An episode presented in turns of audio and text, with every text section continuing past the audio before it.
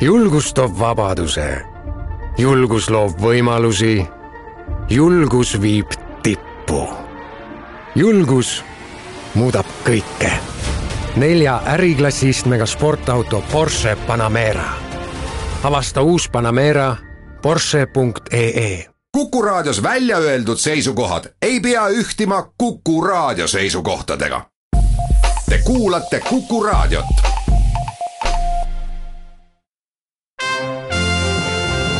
Tallinna Filharmoonia esitleb Filharmooniline huvitaja tere, rõõmsad ja toredad muusikasõbrad! täna on saates külas Tallinna Kammerorkestri kunstiline juht Risto Joost, tere! tervist! ja orkestri toimetaja, muidugi ühtlasi ka violamängija Karin Sarv, tere! tere! ma pean küsima, mida teeb orkestris toimetaja? Millega sa toimetad siin ka? ma toimetan kõigega, mis eh, põhimõtteliselt on vaja toimetada, nii palju kui ma jõuan.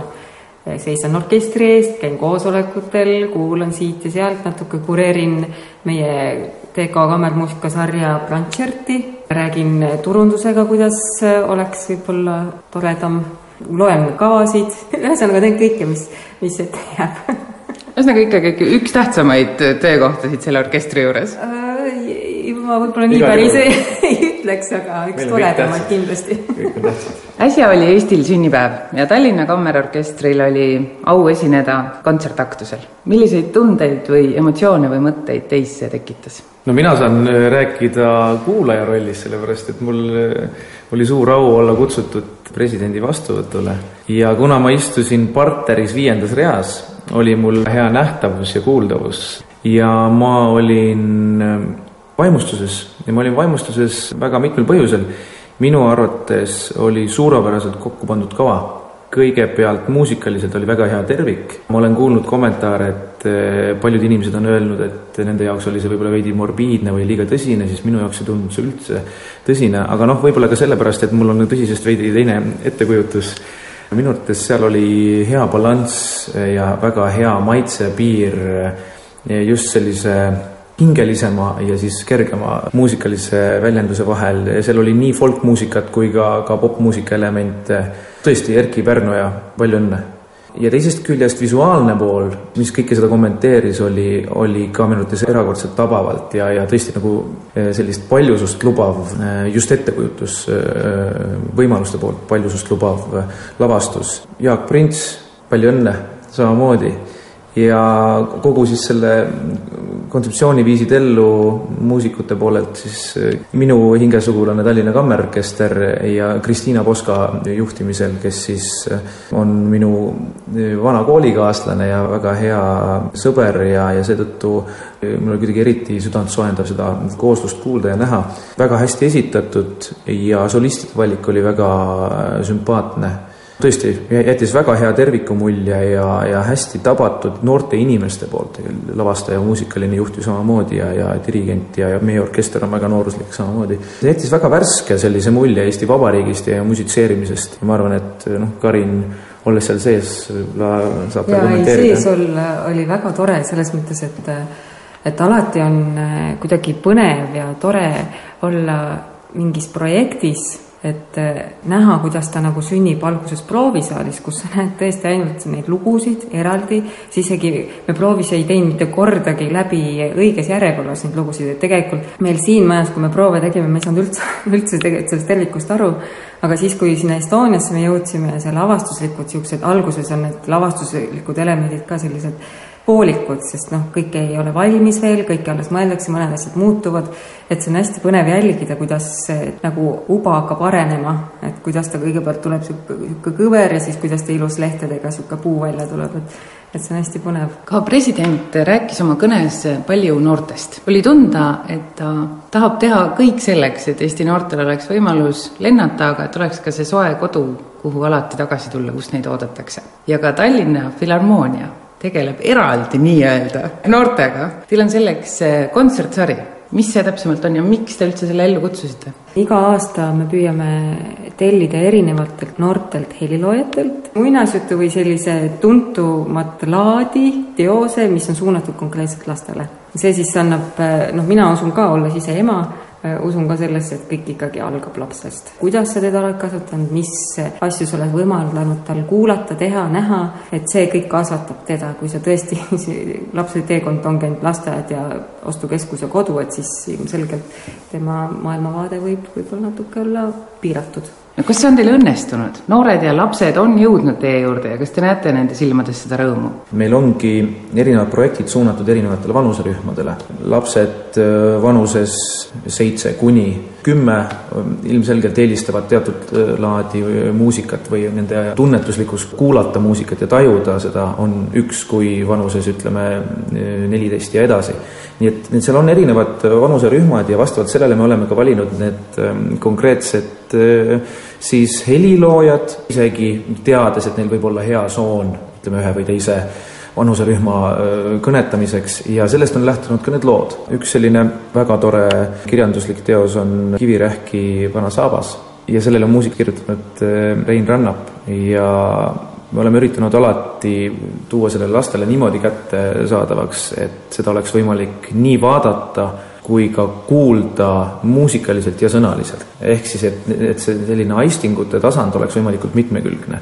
oleme üritanud kaasata ka noori soliste, selles samas Vanasaapa projektis on meil äh, noor flöödisolist ja meil on jutustaja ja Rein Rannap ise ju klaveril ja, ja tihtipeale meil on ka noored dirigendid äh, projekti juhtimas.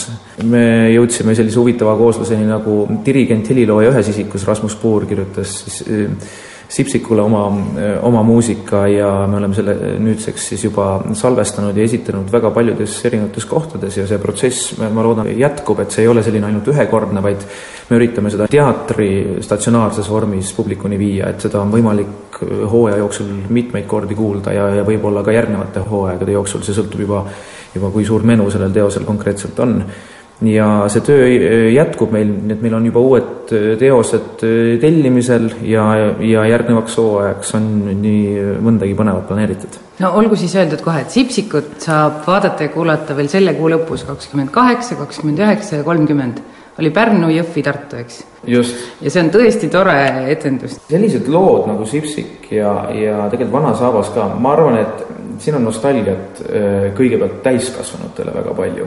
esiteks nemad mäletavad oma lapsepõlve, see lugu võib-olla tekitab neil personaalse suhte, ma arvan, et helilooja võib tekitada personaalse suhte, et oh, mulle meeldib selle helilooja helikeel, et kuidas ta on lastele kirjutanud, nii et ma julgen väita, et siin ei olegi tegelikult, see on küll suunatud noortele, aga et siin ka, ma arvan, vanematel on, on põnev ja ütleme niimoodi, et äh, laste vanusest ma, ma isegi ka ei julgeks piiri tõmmata. ja äh, no see Sipsiku muidugi selles mõttes, kuidas tunneb ära hea loo, on see lasteloo siis, on see, et, kui lapsevanem loeb ja siis äh, ühtedes kohtades naerab või tunneb ennast puudutatuna laps ja teistes kohtades lapsevanem. Sipsik on üks täpselt selline lugu ja kuna ta on suhteliselt vana lugu juba, et siis tõesti see nostalgia on väga õigel kohal aga kuna ka tänapäeval ikkagi esimese klassi kohustuslikus kirjanduses on Sipsik endiselt sees, siis loomulikult kõik algklasside lapsed on väga oodatud, aga miks mitte ka vanemad. mis noorematesse puutub, et siis loomulikult on tore tuua äh, lapsi hästi varakult äh, kontsertsaali ja see on üks kontserte, kus äh, see on võimalik aga siiski võiks natukene tähelepanu pöörata, et, et kui püsiv see laps ikkagi on ja kui valmis ta on nii pikas mahus seda infot korraga vastu võtma, et see on nüüd lapsevanema enda otsustada. kui rääkida sellest noortele suunatud sarjast veel, siis ma kuulen, kuidas raadiokuulajad sosistavad mulle praegu kõrva, et ah, head naiivsed, et mida on siis selles klassikalises muusikas paremat kui nutitelefonis. mida on teil siis sinna vastu panna? me teeme koolides ka kontsertidega siis, et me pakumegi, käime ise koolis kohapeal, kus siis ongi terve see koolipere või siis osa sellest klasside kaupa tulevad ja kuulavad, et et kui tal ei ole kodus sellist indikaatorit, kes talle ette söödaks sellist asja, et ongi natukene teistsuguse maailmavaatega inimesed, et siis see laps, kellele seda ei ole varem tutvustatud, et ta seal kohapeal koolis, siis tema kuuleb ja näeb seda see ongi meie see suur lootus, et, et siis ta ise kuidagi nakatub sellest ja võib-olla tunneb tulevikus huvi selle vastu rohkem, sest tegelikult klassikaline muusika, kui minna ajaloos tagasi, siis ta on ju kõige alus. tegelikult klassikaline muusika mingi hetk ei olnud üldse klassika, et tegelikult see oli popmuusika, ehk siis ta oli populaarne muusika ja kuna ei olnud veel äh, elektroonilisi vahendeid, millega muusikat võimendada või siis seda ka töödelda, siis see oligi see muusika, mis meie ümber kõlas. praegu me nimetame seda klassikaliseks, ta on siis akustiliste instrumentidega loodud ja ulatub siis sajandite taha. aga võib-olla paralleeliks tuua, et miks peaks seda kuulama ja vaatama tulema, on väga suur vahe, kui laps vaatab loodussaadet nutitelefonist või vaatab näiteks pilte Facebookist või mingisugusest muust keskkonnast ja ta näeb, vaata lõvi, näe, vaata ahv. on väga suur vahe, kui ta läheb loomaaeda ja ta reaalselt näebki seda ahvi banaani söömas või oma kukalt kratsimas või et ta näeb lõvi tõesti läbi selle pleksklaasi tõesti meetri kauguselt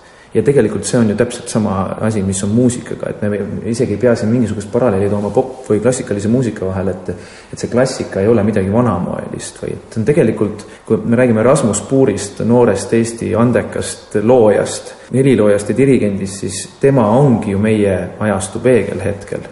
Ja ta on, ta ei ole loonud mitte klassikalist muusikat, ta on loonud muusikat oma inimestele jah, et seal tõepoolest esi-, ongi, et seda esitavad akustilised pillid, meil ei ole jah, trummikomplekti seal taga, aga see ei tähenda, et see muusika võiks olla väga nooruslik, väga elav ja rütmiline ja kaasakiskuv ja inspireeriv. nii et ma arvan, et, et näeb lõvi ja näeb, näeb ahvi banaani söömas meie kontserdil. ja kui rääkida veel näiteks Sipsikust ja Janas Saapast, siis Tanel Saar näitlejana ja sellise karismaatilise häälena või Anu Lamp näitlejana, lavastajana kui te näete ja kuulete noore inimesena neid noh, nüüd meie jaoks legende rääkimas sinust paari meetri kaugusel oma häälega, no see on teistsugune kogemus ja see tekitab sinul ka mingisuguse uue huvi ja uue dimensiooni. veel üks väga oluline asi, et ka lastel on võimalus ju neid samu instrumente lähedalt näha ja mitte keegi ei, ei keela tulla pärast küsima, et kuidas seda kontrabassi täpselt mängitakse ja kas ma võiksin korra poognaga üle keele tõmmata ja kas ma võiksin äh, näiteks klaveri klahvi alla vajutada, kui ma ei ole seda kunagi teinud, see kõik on võimalik. nii et äh, ma arvan, et siin on tegelikult ka ütleme, selline avastamisretk äh, täpselt nii palju, kui siis keegi soovib väga tore ja millal siis saab tulla avastama koos Tallinna Kammerorkestriga? näiteks kahekümne kuuendal märtsil ja kolmekümne esimesel märtsil. kolmekümne esimesel märtsil oleme Lindakivi keskuses Vana-Saapaga ja kahekümne kuuendal märtsil oleme meie oma kodusaalis Valges saalis. Ja tänase saate lõpus on ka üllatus. ja meie nimelt siis eh, natukene uurisime publiku käest, et kus on nemad saanud meie kontsertide kohta infot ja palunud eh, vastavat sedelit eh, selle kohta täita, et kõik, kes täitsid, need kindlasti kõik teavad, millega on tegu.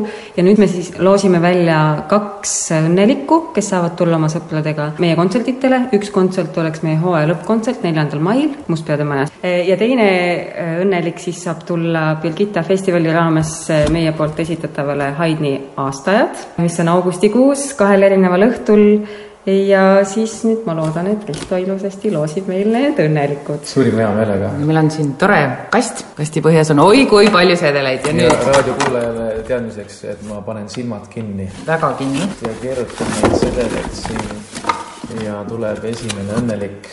see õnnelik on Merike Reede, palju õnne! tema siis saab tulla meie hooaja lõppkontsertile koos sõbraga.